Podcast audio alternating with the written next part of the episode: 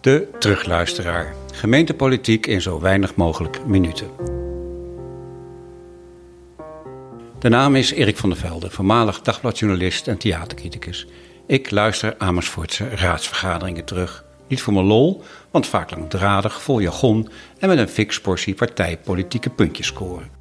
Maar het is wel onze lokale democratie en het gaat om de leefbaarheid van onze stad. In de, in de voorbereiding gezet, vanavond gaat u pas naar huis als wij witte rook hebben.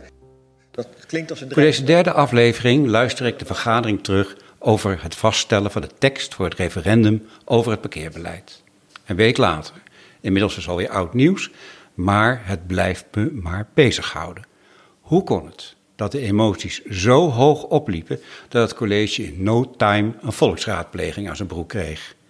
Referendum vertraagt de besluitvorming en maakt die extra gecompliceerd.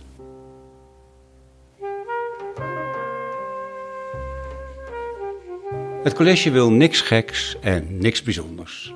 Alle grote en minder grote steden voeren beleid op het terugdringen van de auto. En altijd begint dat met het invoeren van betaald parkeren in zoveel mogelijk wijken. In Rotterdam, klare taal.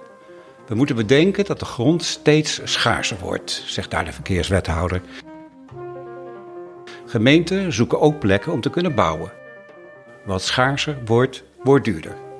Parkeren is nu nog op heel veel plekken gratis, terwijl het voor de gemeente geld kost. Het is logisch dat de gebruiker betaalt. Amersfoort koerst af op een enorm begrotingstekort, maar wil, als het om het parkeerbeleid gaat, het nadrukkelijk niet hebben over het binnenhalen van geld. Het is een serieuze bron van inkomsten voor gemeenten. Ze halen er dit jaar circa 1,2 miljard aan parkeerheffingen mee op. En het wordt elk jaar meer. Bij D66-wethouder Tias Bijholt gaat het om de leefbaarheid van de stad. Blik eruit, groen erin, speelstraat voor de kinderen, wapenen tegen de hittestress. Kortom, het programma van de Klimaatpartij van Robjette op lokaal postzegelniveau. Dat politiek profileren heeft het volgens mij veel te groot gemaakt. Alsof het om een strijd tussen klimaatactivisten en klimaatontkenners gaat. En ondertussen denken veel Amersfoorters in de meestal zeer groene wijken met voldoende parkeerplaatsen en speelplekken. Wat is het probleem, wethouder? Waar gaat het Agenda over? punt 2, de toelichting van het advies door de, door eh, de referendumcommissie. En daarvoor is de voorzitter van de commissie, mevrouw Nienke Luiks, Een aanwezig. onafhankelijke commissie die de vraag voor het referendum moest formuleren, werd er bijna wanhopig van. Het college tuigde een zo complex twee-fasebeleid op en maakte dat zo weinig concreet dat de commissie serieus overwoog om de opdracht terug te geven. Uiteindelijk werd het na lang wikken en wegen de volgende vraag. Vindt u dit nieuwe parkeerbeleid een goed idee voor de stad? Dat betekent niet dat het buiten het referendum alleen maar om deze ene vraag moet blijven draaien. En daarom hebben we ook gezegd: zie het als een referenquête. Je vraagt een gevoelen. Nodig uit om verder te kijken dan enkel de ja of nee vraag. Maak van de tweestrijd een dialoog die Amersfoorters uiteindelijk dichter bij elkaar brengt. En ik wens u daarmee alle veel succes en wijsheid. Wat houdt dat nieuwe parkeerbeleid in? Na nog meer wikken en wegen kwam de commissie uit op de volgende toelichting. Amersfoort groeit. Er komen naar verwachting 10.000 woningen bij. Daarvoor is plek nodig. Om de stad groen, leefbaar en gezond te houden wil de gemeente anders omgaan met parkeren. De gemeente heeft als eerste stap uitgangspunten geformuleerd. Het is de bedoeling dat je straks in de hele stad alleen kunt parkeren op straat als je betaalt of een vergunning hebt. Er komen overstappunten voor auto's, openbaar, fietsen enzovoort, parkeerhubs. Als dat gelukt is, wil de gemeente de parkeervergunning tot één auto beperken. Bij nieuwe wijken, dicht bij het station, komt minder parkeerruimte op straat. De gemeente wil dit per wijk bespreken. Een heldere boodschap? Niet helder genoeg, vindt D66-fractievoorzitter Marjolein Perdok, of juist te helder. Het is maar hoe je het bekijkt. Ze valt over het woordje straks. Straks zou het morgen kunnen zijn en dat vinden de tegenstanders van betaald parkeren uh, niet fijn. geeft uh, in de inleiding ook staat het woordje straks. Um, het is de bedoeling dat je straks in de hele stad uh, alleen kunt parkeren op straat als je betaalt of een vergunning hebt. Um, en ik was eigenlijk wel een beetje op zoek naar ja, wat daar dan precies mee bedoeld wordt met, met straks. Ook heeft Perdok moeite met de zinsnede de parkeervergunning tot één auto beperken. Dat is niet wat zij in de stukken van haar eigen wethouder heeft gelezen. Zo stellig ligt het volgens haar niet. Zou het dan niet duidelijker zijn als er achter zou staan hè, per huishouden?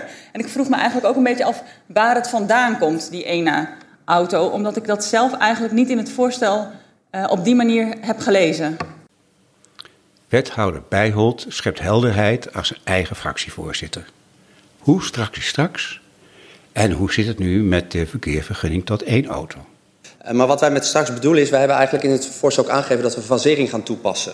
Dus dat we beginnen met parkeeroverlast, daar beginnen we met reguleren.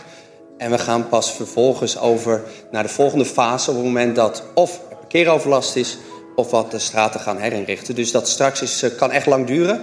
Dus dat is niet iets wat, wat volgende week is. Dus het is ook niet zo op het moment dat dit beleid wordt vastgesteld dat in de hele stad parkeerregulering plaatsvindt. We gaan het gefaseerd invoeren is dat het mogelijk is dat de tweede en of derde auto uh, een vergunning krijgt en dat die eventueel op afstand wordt gezet. Dus we zeggen niet dat er maar één auto is die uh, per se een vergunning krijgt. Het zou kunnen dat een tweede en of derde uh, in de hub moet staan. Dus het zou kunnen betekenen, nou ja, hoe je het zelf dan wil interpreteren. Maar het is niet zo dat wij voorbaat al zeggen één vergunning per auto. Nee, één vergunning per huis. Of per huis, per ja. auto dan. Ja. ja. Duidelijk nu? Voor de raad wel, want de tekst zal worden aangepast.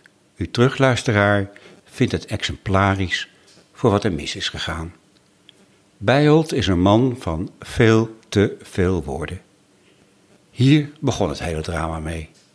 Onhandige en verwarrende communicatie. Uh, en uh, van het Amersfoort panel zouden wij dus ook graag willen weten uh, of mensen gestemd hebben bij het referendum en waarom wel of waarom niet. En dat als zij uh, gestemd hebben, uh, ook uh, waarom ze. Waarom hebben... Perdok is nog steeds niet gerustgesteld. Ze vreest nog steeds dat het referendum opgevat wordt als een keus tussen voor of tegen betaald parkeren. En dat de groene ideologie erachter niet wordt opgepakt. uit te vragen over onderwerpen als de tarieven, inrichting van straten, hittestress, woningbouwopgave en de stadsring. En uh, we willen die uitkomsten graag gebruiken om meer duiding te geven ook aan de uitslag van het referendum. Um, en...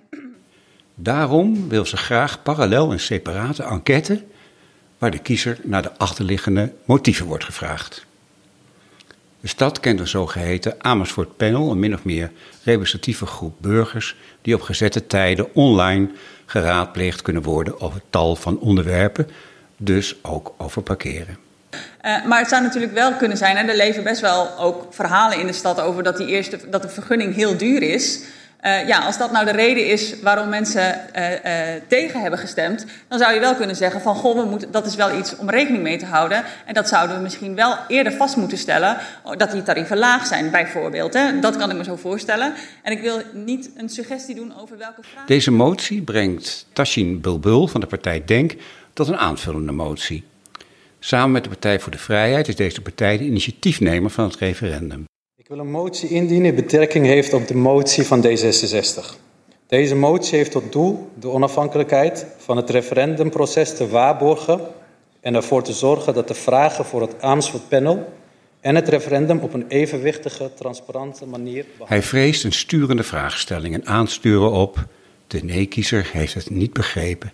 Het bekeerbeleid gaat niet over geld. Het is het college te doen om een groene en leefbare stad. Onvoldoende wordt gebaarborgd in het huidige voorstel. Dillian Hos van GroenLinks kapt dit gesteggel doeltreffend af. En die, die hele kwestie van die onafhankelijkheid van het Amersfoort-panel, die vragen, die, die hield mij wel even bezig. Want die vragen worden opgesteld door de afdeling statistiek van uh, onze gemeente. Dat zijn gewoon ambtenaren in dienst van onze gemeente. En ik vind dat eigenlijk niet netjes dat we hier überhaupt die onafhankelijkheid in twijfel trekken. Dus die wilde ik even kwijt. De enquête komt er en de uitslag zal worden meegenomen in de duiding van de uitkomst van het referendum. Precies zoals D66 en de overige coalitiepartijen dat graag zien. Ik, ik, mag inderdaad hopen dat uh, het Amersfoort panel niet het, het, enige instrument is dat het college in fase 2 gaat inzetten. En dat uh, de heer Bijl ook echt op zijn fiets uh, de hele stad doorgaat. mag ook met de bus hoor, als het, als het regent. Al dus Maarten Flikkema van de VVD. Maar wat ik, u, u terugluisteraar wordt zaggerijnig van dit debat. Het is politiek op zijn allerlelijkst. Gehakketak, slecht taalgebruik en het allerergste, geen spoor van zelfreflectie. Geen wethouder of raadslid van een coalitiepartij die zich hardop afvraagt hoe deze Babylonische spraakverwarring kon ontstaan en welke lering eruit valt te trekken. Weet je, de burger die is volgens mij het hele verhaal kwijt. In het stuk staat ook, ja, we moeten 10.000 woningen bouwen. En twee zinnen later, daarom mag u niet meer parkeren. Ik ben toevallig van de week met de wethouder door onze wijk gefietst waarbij we door smalle straten gefietst zijn, waar auto's aan beide kanten staan. Dus die burger gaat denken, dus omdat we 10.000 woningen gaan bouwen, mag ik zo meteen hier niet meer voor mijn deur parkeren. Gaan we die woning dan voor mijn deur bouwen? Nee, natuurlijk niet. Ja? Ik ben niet de enige. Raadslid Thomas van der Eerde van de zeer groene oppositiepartij Amersfoort 2014 kan ook niet langer zijn ergernis de baas we zijn dus nu bezig om het, om het gat van de Titanic te dichten met allerlei moties en amendementen. Om nu wel participatie te doen met bewoners, wat we maanden geleden hadden moeten doen. Toen we het daar in die commissievergadering over gehad hebben. Dus wat ons betreft is het werkelijk een godspes zoals wij hier nu met elkaar bezig zijn. Tot zover uw terugluisteraar. Op naar de volgende gemeenteraadsvergadering. Toch maar weer welgemoed. Met een tikkeltje zuur en een tikkeltje zoet.